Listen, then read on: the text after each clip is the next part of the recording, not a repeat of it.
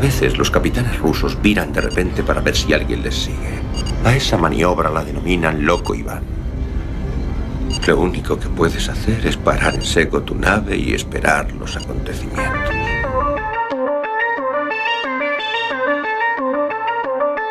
Galaxy 347 of Space Patrol calling unidentified ship. The night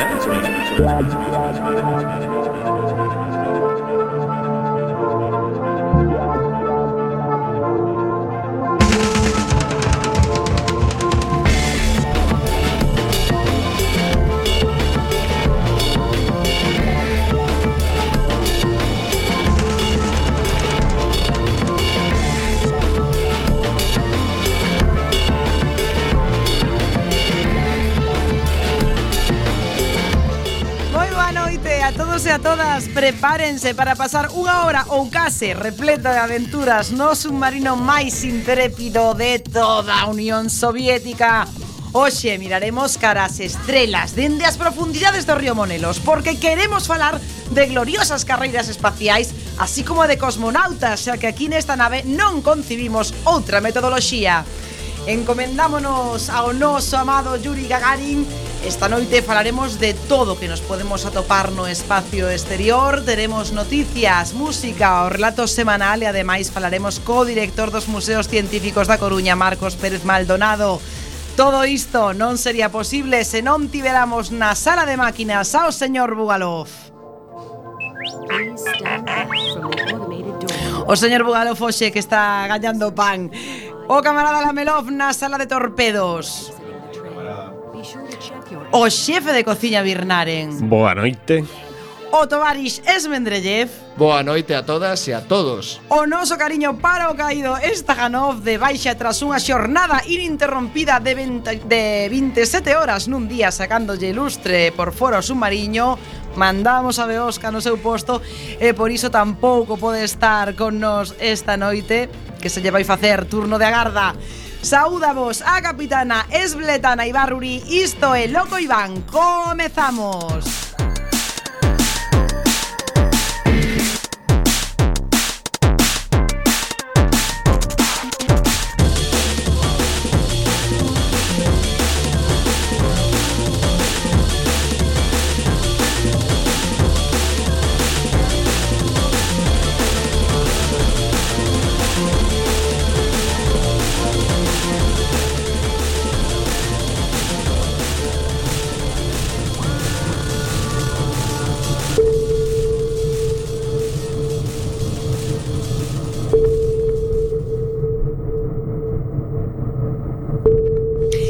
Que faríamos... Oh, tuvimos aquí un, un, un pequeno retroceso.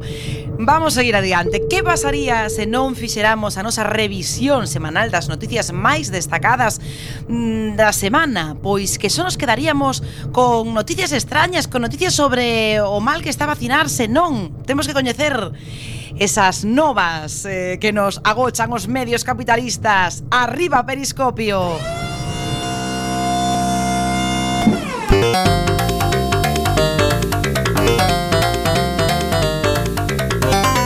FM. Loco Iván. Periscopio.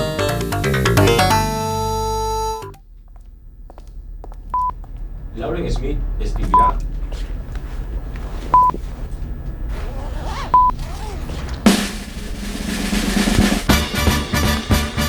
Lauren Smith escribirá o guión da serie de The Witcher. Trátase da principal responsable das series de televisión Daredevil e The Defenders e será encargada do guión e da produción da esperada serie sobre Geralt de Rivia que prepara Netflix e da que non coñecemos moitos detalles. O único que sabemos polo de agora é que o material para a serie será dos libros e non dos videoxogos e tamén participará o propio autor, o polaco Andrzej Sapowski. Getting Over It e With Bennett Foddy está arrasando. Din que o principal atractivo deste videoxogo é que é desesperante pola dificultade e por iso está arrasando en Steam. É de plataformas, e tes que escalar unha montaña e os seus obstáculos equipado cun martelo, pero todos os saltos han de ter unha precisión extrema. Os youtuberenses que analizan os videoxogos fixeron vídeos agobiándose por non poder avanzar. Ah, Esta xente nova. Non coñece os videoxogos dos 80 Daquela, o máis mínimo erro remataba coa túa partida E non había posibilidade de guardar ni nada. Queren todo feito Sen retos nen desafíos. Stationer se entra en acceso anticipado. O creador do videoxogo DayZ traballa en varios proxectos máis a través do seu estudio, Rocket Web, supoño. Un é Stationers, que ven que nin pintado para o programa de hoxe. Trátase dun simulador dunha estación espacial na que teremos que controlar a presión, oxíxeno, alimentación, emerxencias e tamén realizar experimentos, máis ou menos como o que fan na Estación Espacial Internacional, pero sen ter que pagar o billete na Soyuz, que últimamente está moi caro se o servicio de catering tamén hai que pagalo.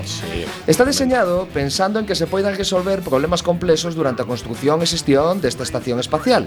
O máis molón é que vai ter cooperativo, é dicir, que a xestión de instalación pode ser consulta entre varias persoas, que xa sabemos que eso sempre vai mellor. E falando de Roque Web, acaban de presentar un novo proxecto. Trátase de Living Dark, Un videoxogo nun mundo aberto e escuro que controlará o comportamento de cada personaxe da cidade, mentes que a historia xenerarase de xeito procedural para que sexa diferente cada vez que xogues. Polo que comentan na súa web, cada situación en Living Dark pode resolverse de diferentes xeitos, loitar, infiltrarse sisilosamente, hackear os sistemas e encontrar un camiño diferente superando obstáculos. Sempre pode recurrir á necesaria violencia, pero esa solución pode acarrear problemas maiores. Conta con xente que traballou en Fallout 3 ou Skyrim e aínda non hai data de saída. A, ir, a irmá de He-Man terá serie en Netflix. Sirra. Sí! Aí estamos. A moito máis molona irmá de He-Man será protagonista dunha nova serie de animación de Netflix. Parece que atoparon un filón na nostalgia oitentera en series, videoxogos e películas, e dentro desta nostalgia aparecen Masters of the Universe. Neste caso, a Adora, máis coñecida como Sirra, irmán melliza do poligonero He-Man Sirra fora separada da súa familia ao nacer e traballou para o glorioso Skeletor, pero cando descubriu a verdade traicionouno e, bueno, eh, volveu e se uniu á resistencia.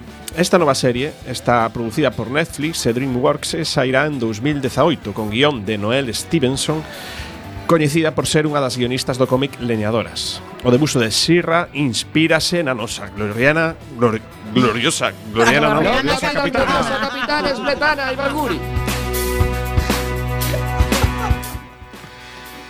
Paul Kearney eh, traballa en dúas novelas. O autor da pouco coñecida pentaloxía As monarquías de Deus prepara dúas novas novelas de fantasía e de terror. A primeira delas tritúrase provisionalmente The Other Side of Things, a outra cara das cousas. Tritúrase? Tritúrase. e que lelo en seguidiña. Trituro eu nada máis, por favor.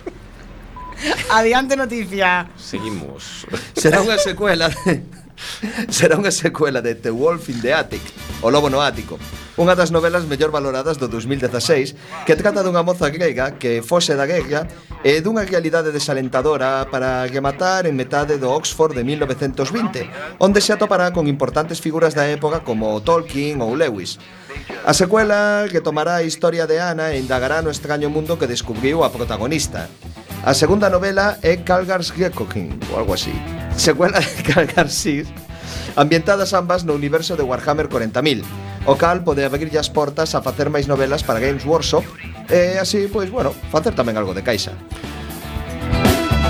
Ben, pois a Coruña non se vai triturar, senón se, se vai vestir de cine fantástico e conciencia da man dos museos científicos e da Asociación Astronómica IO, que teñen en marcha no Foro Metropolitano un ciclo sobre cinema, ciencia e CEO aínda están a tempo de ver este sábado Planeta Prohibido, mítica película do máis mítico Robbie Robot, interpretado polo mismérrimo Leslie Nielsen.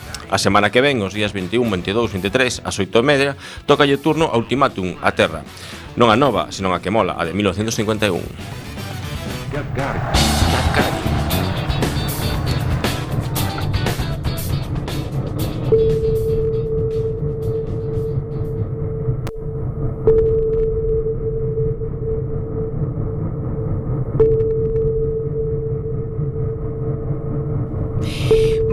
Imos cara a nosa sala de radio Aí está o señor Bugalov Que hoxe está así sudando un pouco tinta de calamar.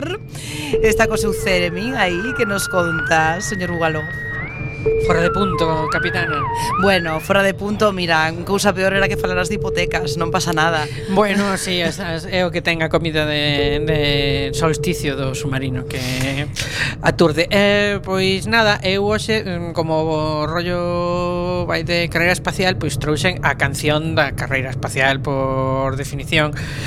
Eh, que xa empeza a soar pero como tamén de paso quería facer a pelota capitana Ai, traes, sí. trouxen a versión de Paddle Spitty que é un fulano de dous metros e pico que se viste, bueno, se maquilla de payaso e eh, canta mm, eh, que a capitana lle mola moito a min me encanta E así teño estas debilidades. O fulano este eh, chamase eh, Mike Geyer eh, sei que non cantaba suficientemente ben para, para pasar desapercibido así en plan normal pero vestido de payaso de dous metros Hombre, es que se gana mucho. Sí, será eso Ground control to Major Tom.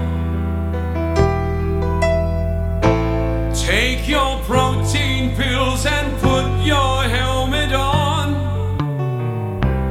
Ground control to Major Tom. Commencing countdown engines on.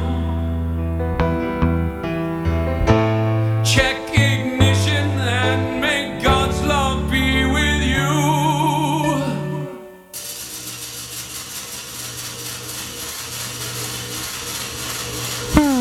This is ground control to Major Tom. You've really made the grade. And the papers want to know whose shirt you wear. Now it's time to leave the capsule if you dare. This is Major Tom to ground control. I'm stepping through the door. And I'm floating in the most peculiar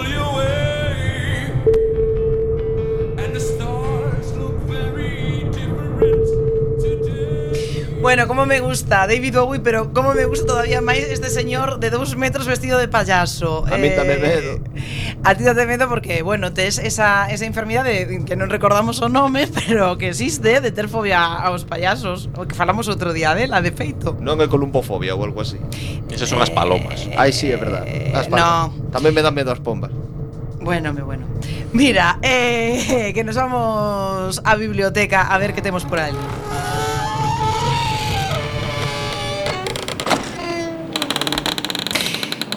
Xa non vou dicir nada porque vamos mal de tempo hoxe, pero a ver, por favor, se eh, no solsticio novo Bueno, que ainda é para xuño, pero a ver se, a ver se polo menos aí temos pulido un pouco a porta. Eh, vamos ler un relato. Así bazar, Estrela Vermella de Alexander Bodanov. Eh, Camarada Lamelov, que vostede é eh, especialista nestes temas. Contenos un pouco, brevemente, bueno, que nos vamos a topar neste relato? pois é unha especie de distopía eh, escrita en 1908 onde pois eh, xa se plantexan os viaxes espaciais eh, mm. a, a Marte uh -huh. e onde o mm-hmm. protagonista Leonid pois é encargado eh, pois por un enxeñeiro que se chama Mini que ten, uh -huh. bueno, que quere ser o representante en Marte da Terra. Bueno. E eh, o curioso é que, bueno, cando ese posto está xa a fai anos está nomeado. Sí, está, bueno. Pero este é unha distopía, claro. obviamente. Bueno, Bogdanov, por exemplo, era eh, rival de Lenin por o control dos, dos bolcheviques.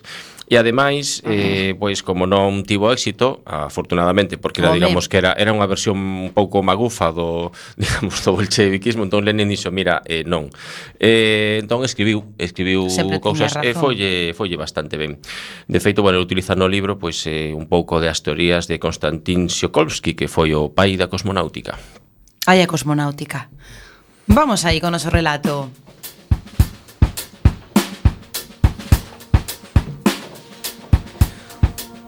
Tengo que hablar contigo de un tema de una gran seriedad, aunque es posible que te resulte algo insólito.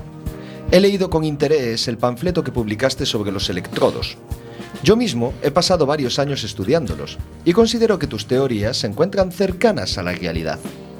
Tu estudio contiene una observación de especial interés para mí. Sugieres que la teoría eléctrica de los materiales, que de manera inevitable presenta la gravedad como una forma de atracción y repulsión eléctrica, debe resultar en una nueva concepción de la gravedad, ya que postularía la existencia de un material que no sea atraído por la Tierra, el Sol u otros cuerpos celestes, y que en lugar de eso sea repelido por ellos. Para poner un ejemplo, hablas de la repulsión magnética de los cuerpos y que dicha repulsión resulta en que fuerzas que son paralelas se mueven en direcciones opuestas, aunque me da la impresión de que tu breve exposición implica bastantes más cosas de las que demuestras en tu estudio. Es cierto. Intuyo que será mediante dichas leyes de atracción y repulsión mediante las cuales la humanidad resolverá de una buena vez el problema del viaje aéreo y más adelante incluso la cuestión de los viajes interplanetarios. Pero aunque tenga razón, no tiene sentido considerar estas cuestiones hasta que se haya formulado una teoría de cohesión entre la materia y dicho entendimiento de la gravedad. Es más, aunque pudiera demostrarse que el tipo de material de materia al que me refiero existe, todavía no sería imposible hacer nada. Su capacidad para ser repelida debería haberla expulsado hace mucho tiempo del sistema solar. O lo que es más posible, ni tan siquiera habría sido creada, creada cuando el sistema solar comenzó a originarse a partir del caos. Todo ello significa que dicho tipo de materia tendría que ser creada primero en teoría para después ser producida en la práctica. Carecemos de los datos necesarios para cometer tal empresa y es posible que lo único que pueda hacerse sea declarar que, en teoría, se trata de una tarea que debiera llevarse a cabo algún día. Entiendo, entiendo. Y a pesar de tus sabias palabras, puedo comunicarte que dicha tarea ya ha sido acometida. Lo miré con asombro. Tenía el rostro tan inmóvil como de costumbre, pero un timbre de verdad en el tono de su voz me impedía pensar que me estaba tomando el pelo. A lo mejor Manny es un enfermo mental, pensé. No soy capaz de mentirte, y créame que sé bien de lo que hablo. Debes escuchar con paciencia y más tarde, si así lo deseas, te mostraré las pruebas pertinentes de lo que digo. A continuación, me contó el siguiente relato. El gran descubrimiento sobre el que hablamos no fue realizado por individuos, sino que lo llevó a cabo una extensa comunidad científica que ha existido desde hace un gran espacio de tiempo y que dedicó muchas de sus energías al tema que nos ocupa. La existencia de dicha comunidad ha sido un secreto hasta ahora y no se me permite informarte con más detalles sobre sus orígenes e historia, al menos hasta que hayamos tratado asuntos de mayor importancia. Nuestra sociedad se encontraba significativamente avanzada respecto a la comunidad científica en innumerables cuestiones de especial relevancia. Conocíamos los elementos radiactivos y su distribución con anterioridad a los descubrimientos por parte de Curie y Rutherford, y nuestros camaradas serán capaces de llevar a cabo el análisis de su composición con mayor minuciosidad. Fue en el proceso de dichas investigaciones cuando comprendimos que existía una posibilidad de que dichos elementos repelieran los cuerpos terrestres, y desde entonces hemos llevado a cabo la síntesis de estos llamados antimateriales. El siguiente paso, desarrollar y crear la tecnología necesaria para su producción masiva, no resultó complicado. Lo primero que creamos fueron aparatos voladores destinados al movimiento dentro de la atmósfera terrestre y a continuación para viajar a otros planetas. A pesar del tono calmado y lleno de convicción de Manny, su relato me resultaba poco fiable y maravilloso. ¿Y cómo es posible que os haya resultado posible hacer todo esto y mantenerlo en secreto? Consideramos la discreción de una relevancia excepcional. Es nuestra creencia que resultaría demasiado peligroso publicar nuestros hallazgos científicos mientras la mayoría de los países tengan gobiernos reaccionarios. Tú mismo, al ser un revolucionario ruso, debes entendernos mejor de lo que haría la mayoría. Considera por un instante cómo tu gobierno asiático utiliza métodos europeos para controlar a los ciudadanos y ocultarles información, y de esta forma anular cualquier intento de progreso que se produjese en el país. ¿Acaso no hay ninguna posibilidad que supere a la forma medio feudal, medio constitucional en la que está gobernada tu país, a la postre por un estúpido y enojado tontaina, controlado a su vez por fuerzas más poderosas que él? ¿Y de qué sirven las burguesas repúblicas europeas? Es evidente que si la gente conociera la existencia de nuestras máquinas voladoras, su única preocupación sería someterlas a su control y usarlas para fortalecer a las clases dirigentes. Eso no es en absoluto lo que deseamos, y por lo tanto es preferible mantener el secreto a la espera de condiciones más apropiadas para revelar su existencia. ¿Me estás diciendo que habéis logrado viajar a otros planetas? Así es, a los dos más cercanos, Venus y Marte, eso sin incluir la desértica Luna. Ahora mismo nos encontramos enfrascados en una investigación detallada de ambos. Poseemos todos los recursos necesarios, pero necesitamos hombres fuertes y de confianza. Se me ha concedido el poder de decisión necesario por parte de mis camaradas para pedirte que consideres la adhesión a nuestra empresa con todos los derechos y obligaciones que ello implica. Manny guardó silencio, que me sugirió la espera de una respuesta por mi parte. pero yo no sabía qué debía pensar o creer.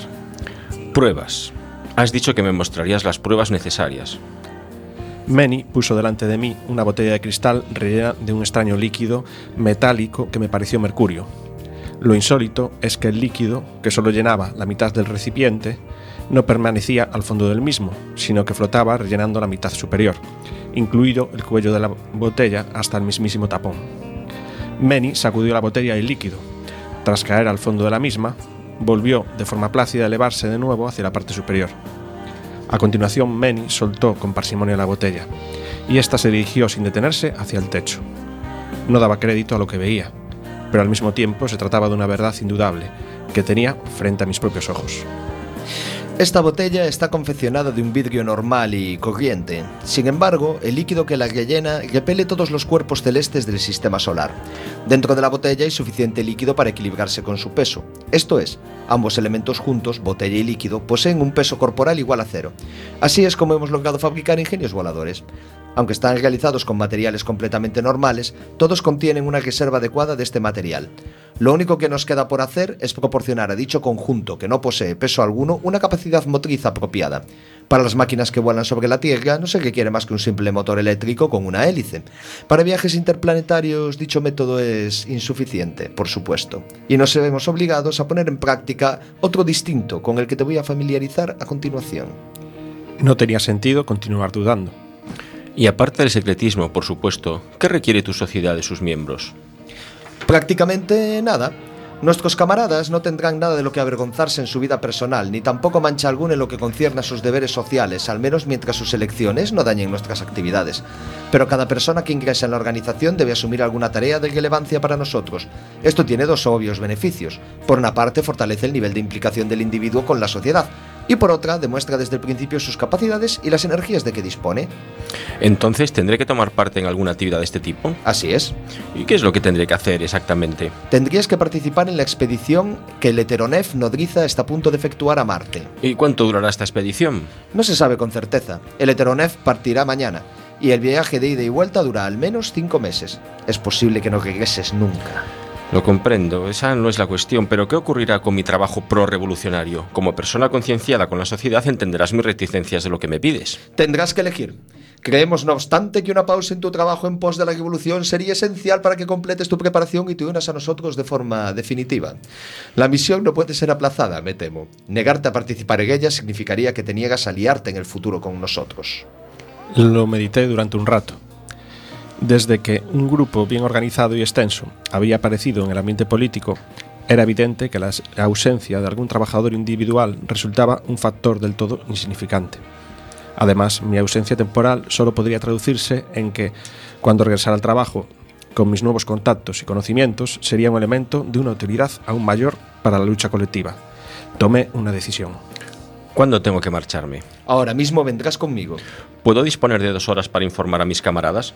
Se supone que mañana parto hacia, hacia otra región, donde me espera trabajo por hacer. Está todo arreglado ya. Andrei llegó hoy proveniente del sur. Le advertí que era posible que tuvieras que marcharte y está preparado para ocupar tu lugar. Mientras te esperaba, le redacté una carta exponiéndole tus deberes con todo detalle. Podemos llevársela de camino. Parecía que no había nada más que hablar. Destruí mis papeles sin perder un segundo, escribí una nota para mi casera y busqué mi abrigo. Manny me esperaba. Pongámonos en marcha, soy tu prisionero. No, eres mi camarada.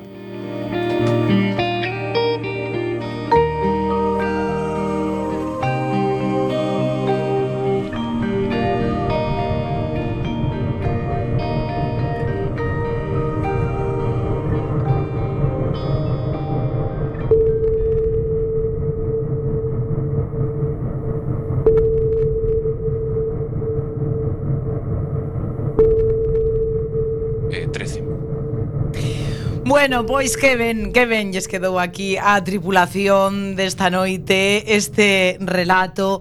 Teño que dar Sema, esta semana creo que vai volver a recibir un, un, un, un, un aplauso medido e corto, por suposto, Non, un aplauso só. E, e ti non che podes dar a ti mismo porque eso es eh, onanismo. Eh, o camarada es eh, enanismo ademais. O camarada es Vendrelle por esta interpretación, por esa interpretación que que pues non sei, o sea, ti estás para ir ao congreso, eh, xa, é, é, é un, un nivel de, de interpretación, vamos. Mm, en fin. Eh Agora mesmo que haríamos? Teríamos a nosa inmersión, pero o noso entrevistado nos pediu que esperaremos que esperáramos un pouquiño para chamalo, así que vamos irnos directamente non a entrevista, senón a profundizar no tema da xornada.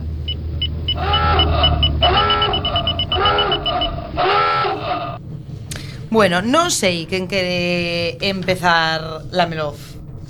Por exemplo, que nos contes Pois sí, bueno, a carreira espacial é un dos períodos máis apaixonantes da Guerra Fría e que tantos momentos gloriosos aportou a humanidade gracias a nós, gracias á Unión Soviética. A nosa mm. terranai aportou o primeiro satélite, o primeiro ser vivo no espazo, o primeiro cosmonauta, o primeiro paso espacial, a primeira muller no espazo, a primeira estación espacial, o mellor...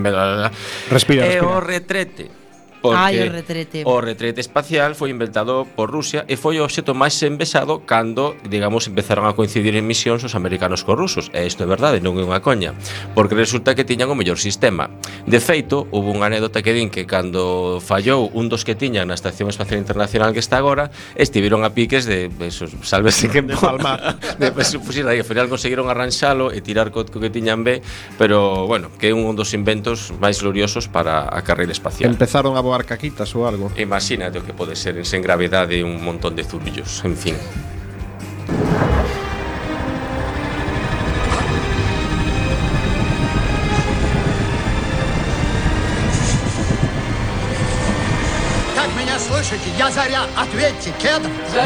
Están alertando sobre os turullos ingrávidos. Ese é a primeira voz que representa esta película, que é Gagarin, o primeiro home no espacio, ah. representa a Gagarin xusto cando estaban en tensión, que non comunicaba despois de despegar, entón Gagarin empeza a decir está todo ben, está todo ben, beso a terra, beso o Cáucaso, beso tal. Entón todos quedan como aliviados. Bueno, esta película chamase así, precisamente, Gagarin, o primeiro home no espacio, é unha débeda que había co, bueno, co primeiro cosmonauta porque non tiña unha película de Unha débeda que nunca pagamos ben. Nunca pagaremos mm. ben. Pois pues, unha película rusa dirixida por Pavel Parjomenko que eh, conta precisamente como foi os eso, toda a misión pois da, da, da prime, do primeiro cosmonauta. Non é verdade que está moi ben, moi recomendable e se pode atopar pois gratis en, en YouTube con subtítulos en español. Entón, bueno, se Mm. podedes vela por aí estaría ben. Весна, заря, я алмаз. Человек вышел в космическое пространство. Bueno, pois pues esta eh, é a voz de outro gran cosmonauta que foi Alexei Leonov, que foi o primeiro cosmonauta que, que deu un paseo espacial e tivo unha peripeza pois, pues, de tres pares. Aí está dicindo que me estou asomando, estou vendo a Terra e tal, todo vai ben pero logo non foi tan ben. Pero curioso, bueno, eh, eh, eh historia o tipo sobreviviu, pero a, o, as que pasou para despois do paso espacial só pode facelas un, un ruso, non? Eh, realmente a película é recomendable porque é espectacular e aparte que todo o que conta a peli, eh, aparte que está moi ben científicamente e tal, é real, é dicir, Como o que se chama esta película? O tempo dos primeiros. E esa tamén a podemos encontrar Esta se pode atopar en internet, o pasa que internet está sin subtítulos en español, están en inglés, pero bueno. o que hai que facer é de presión para que poñan nos museos científicos como no cine de que están facendo películas que poñan ah, vale, dis. Hai que falar con el cando Agora mesmo, bueno, ah. se nos colle que últimamente tampouco é que andemos sobrados, pero bueno. Birnaren? Ah, non, só pregunto, pregunto. Ben, esta que soa é outra peli que tamén de outra peripecia soviética do, pues, do Copón que a Salyut 7, que foi unha das estacións espaciais que tivo eh, a URSS no, no espacio.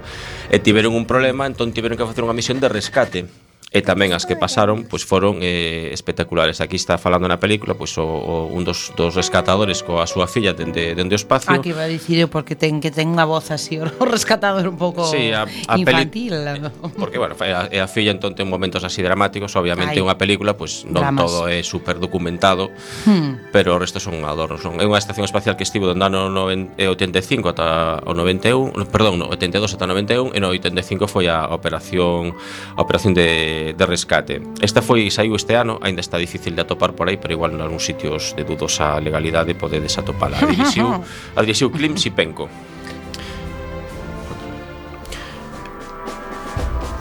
Bueno, E xa para rematar, simplemente recomendar un videoxogo que é, bueno, casi para enxeñeiros, que se chama Kerbal Space Program.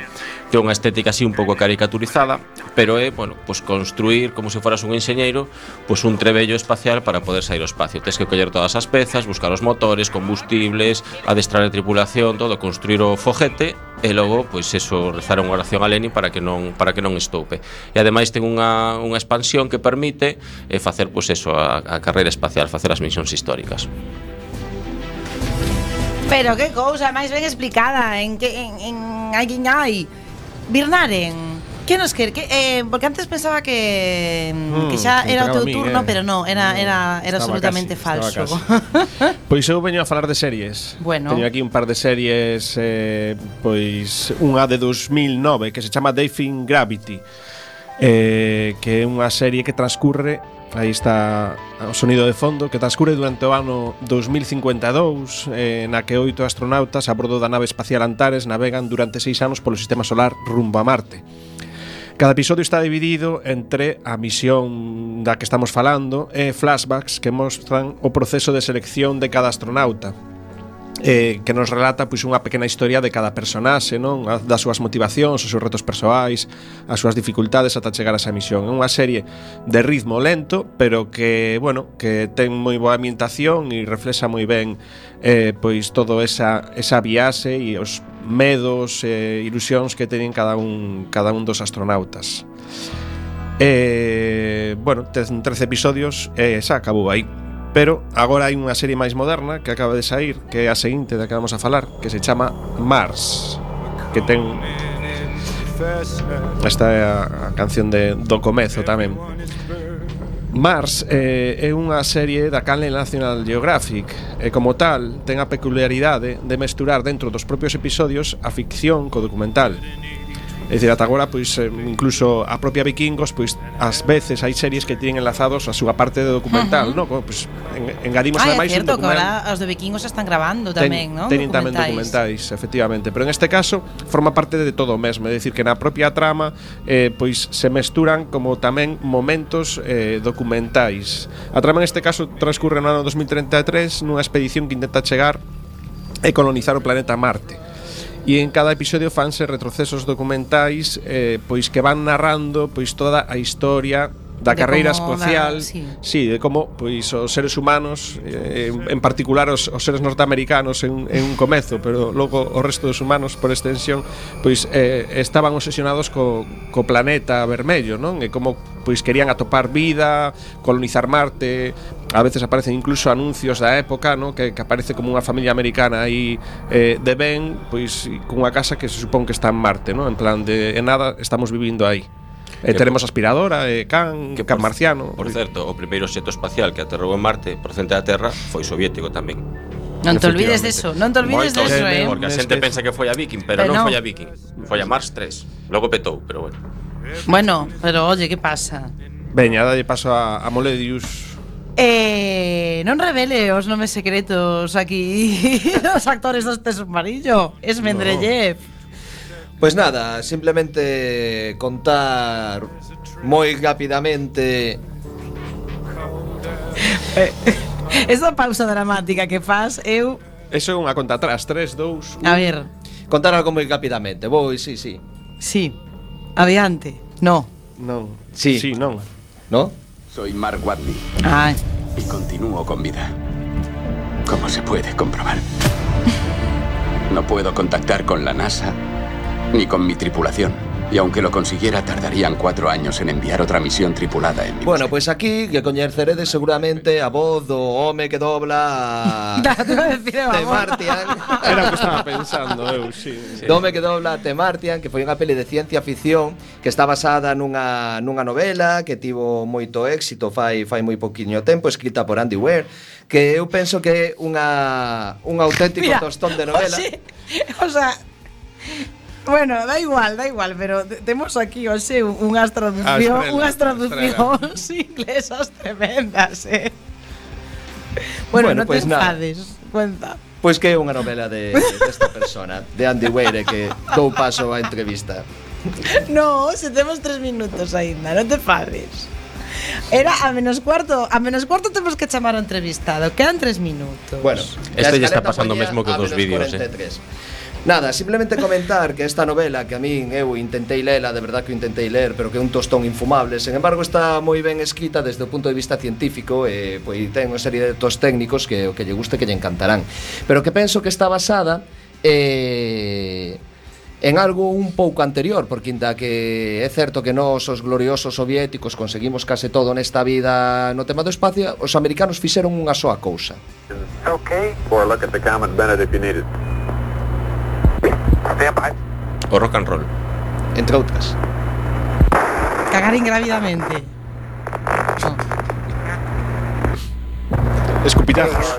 Problem here. Bueno, Cataluña, dicho. está falando de Cataluña este, este can capitalista. Cipolino. Nada, eh, simplemente comentar que a famosa como como aparecen as palabras no, no idioma, non? Cando dicimos Houston, temos un problema, pois todos pensamos que é unha frase para decir que é algo que sobrevive, sobrevivido, non? Sen embargo, se, se tivésemos escoitado ben, que non se escoitaba moi ben, bueno, por estática e a grabación real do, do Apolo 13, o que dixo realmente é eh, Houston, tivemos un problema aquí Sen embargo, pois a frase foi nun momento de tanta tensión e fíxose tan famosa Hombre, que, que bueno, bien. pois agora forma parte da, da lingua tanto inglesa pois como, como española, como de moitas outras. Como e comentar di, en ruso, en ruso como se di eso? En ruso non se di porque non teñen problemas. Ah, vale. E comentar só unha cousiña máis. Que, este, eh, como se di, a ver, como se di eh, en portugués? En finés. En portugués. En portugués. Temos un problema. Bueno. E en finés aprendido de, ahora que ya temos humillado desta forma pues... A ver, unha última cousa máis Por que o relaciono con Temartian? Relaciono con Temartian porque acto seguido Se seguiramos escoitando ese audio Escoitaríamos como estes tres homes, sen perder a calma Foron asesorados desde, desde Terra Para poder alcanzar o vehículo e salvar o día, que basicamente do que vai a novela, Ai, do que falábamos antes. Salvaron o día, salvaron a romería. Bueno, pois as 11 menos cuarto, mallado, clavado, temos eh, o outro lado da liña telefónica do submarino. temos a Marcos Pérez Maldonado, director dos Museos Científicos. Moi boa noite, Marcos. Ola, boa noite, que tal? Bueno, eh, hoxe falamos de espazo, de carreiras espaciais Entón non podíamos facer outra cousa que non acudir a vos, aos museos científicos eh, da Coruña Porque xusto eh, todo este mes de decembro estades a ter en colaboración coa, coa Asociación Astronómica IO eh, no Foro Metropolitano Hai unhas, eh, unha serie de, de películas relacionadas un pouco coa temática co espacio eh, que ademais van acompañadas acompañadas de charlas, creo que ti a ti te toca falar a semana que ven, non? Sí, feito, eh, acabo de sair agora dunha proxección maravillosa de Planeta Prohibido, de Forbidden Planet, que é uh -huh. unha peli, bueno, un clásico dos 50 de ciencia ficción, E, de feito, bueno, este ciclo é eh, un ciclo que organiza a agrupación astronómica en colaboración co Concello. O que pasa é que hai unha conexión moi directa coa Casa das Ciencias que é que parte das historias que se están contando e das eh, das conexións entre a ciencia ficción cinematográfica e a, e a exploración espacial aparecen nunha exposición da Casa das Ciencias, no terceiro andar da Casa das Ciencias, entón está vendo agora eso, unha película da que, extra, da que collimos escenas para ilustrar, por exemplo, pois a nosa relación cos robots, no espacio, o, o, o pues, con ese, Robbie Robot, ¿no? Con Robbie Robot, neste caso, sí. Eh, eh, a semana que ven con Gorf, ¿no? porque es otra película que, que, que queda en este ciclo É o ultimátum a terra que, que me toca de discutir. Mire, eh, efectivamente non só so o chamamos por, por este ciclo cinematográfico, senón, eh, ademais, era un pouco adrede para que nos contara que o que podemos ver, que o podemos ver xa dende, dende o verán na Casa das Ciencias, pero que ainda podemos ver esa, esa exposición, a astronomía, como xa contan. Eh, contenos vostede un pouco máis de, de, de que o que nos podemos encontrar na, na Casa das Ciencias. Bueno, pois aparte deses fragmentos de filmes que ilustran eh, aspectos eh, non de ficción, senón de realidade, de realidade espacial, eh, esta exposición eh, o que fai é partir da, da idea de que a astronomía, igual que o resto da ciencia, pero en particular a astronomía, vai tan rápido, eh, eh todo acontece tan deprisa, que a única forma que temos eh, en xeral de estarmos informados é a través dos medios de comunicación. O que pasa é que os medios de comunicación eh, non son a escola, non son eh, enciclopedias, non son libros de texto, eh, por tanto non teñen como objetivo de cousas a xente, simplemente contar o que pasa. Entón, se si queremos aprender astronomía nos medios de comunicación, pois pues temos que cambiar o chip, como se di popularmente, eh, e entender como funcionan os medios, eh, que non sempre falan do que é importante, non? sino do que é noticioso, ou espectacular. Eh, hai un, unha chea de exemplos que, que explican un pouco como se fai esa transferencia de coñecemento dende as noticias a, bueno, pois pues, saber sabes popular.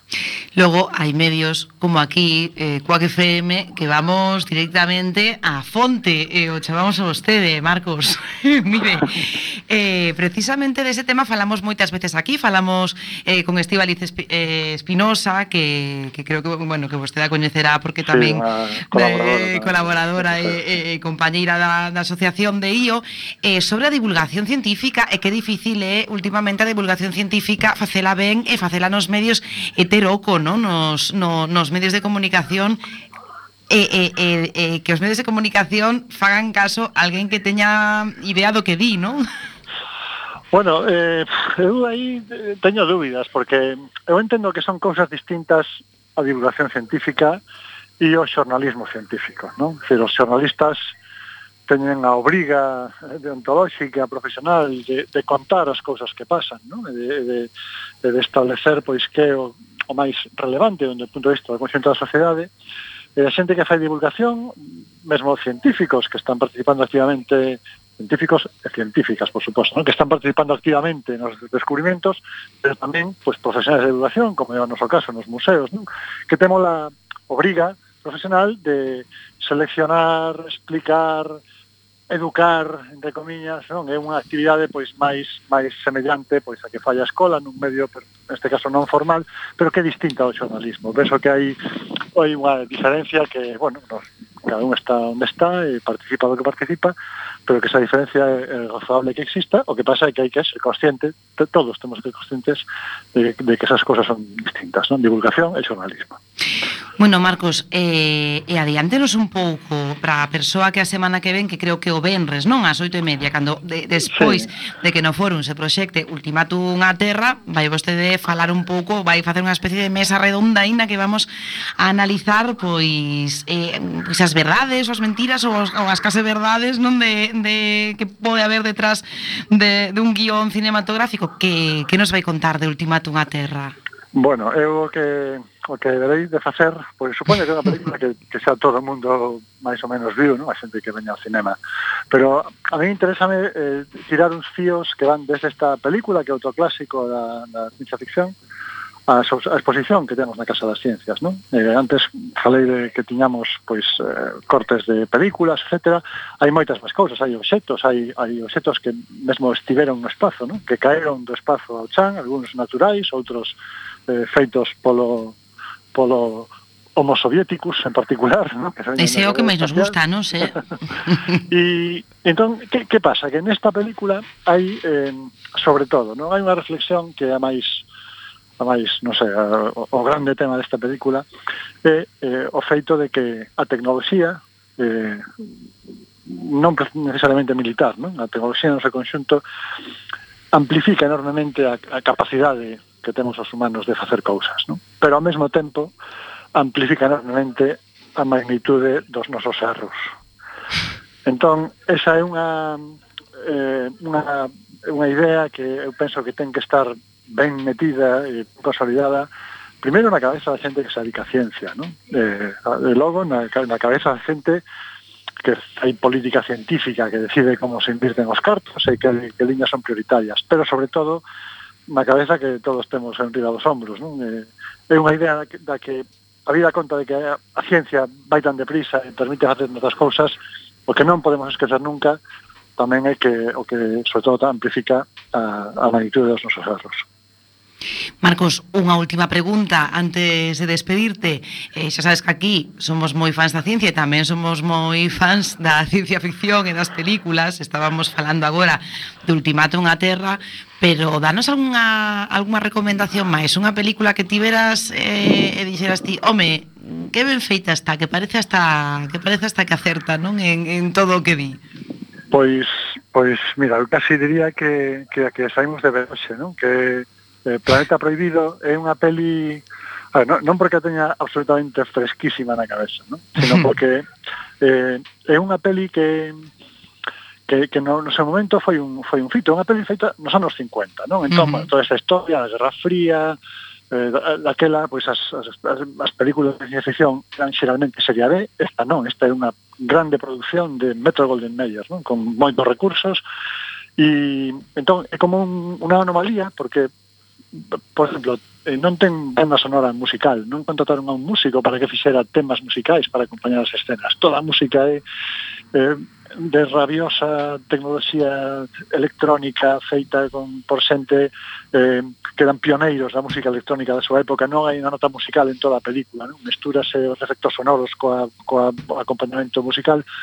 Entón, si esa decisión de facer así esa película con esa música tan extraordinariamente rara que por exemplo xente que viu estes días non sei, Blade Runner, non? que ten eses sons así como os, que, que enchen as, as salas sin ser música pois aquí, isto se está feito nos anos 50 imaginade o que fixeron co resto da película non? se, se, a, si a a proposta sonora é tan... Se a, se a banda sonora xa era esa, non? Pues... O resto pois. da película, o guión, a, o, o, o percurso filosófico que rodea a historia pois é igual de salvaxe. Entón unha peli que realmente eh, paga a pena ver un auto eh, Sí, sí.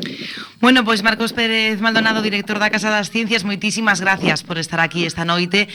Eh, moitísimas gracias tamén polo traballo que desenvolven na Coruña. Moitas gracias, un placer colaborar con vos. Veña, ata logo. Ata logo. Venga. Bueno, quedounos un programa mallado, eh, de tempo, de ritmo, de, de, de, de, de flow, de emoción. E agora xa nos temos que despedir. Oh. Nos temos que despedir, pero non vos preocupedes, camaradas. Queridas e queridos camaradas que estades aí a través das ondas, das ondas non de FM porque non a sacou Alberto Núñez Feijo, pero da igual, a través de, de internet, de, de, a través eh, da pantalla do ordenador que estáis escoitando o iVox no, no, no móvil de noite, o que sexa, Eu que sei, é que, é que nos quedou tamén o programa que agora a vou cagar na despedida Pero non, non vai ser así. Nos vamos ver o venres que ven. Vamos traer máis información, máis noticias Máis cousas estupendas, máis música, máis payasos de dous metros. E todo isto vai ser porque vos queremos moito Porque tendes que ser moi felices ata o venres que ven Que volvamos a estar con vos. Sede felices, bebede con moderación e que sexa vodka, por favor. Hasta Overres que ven.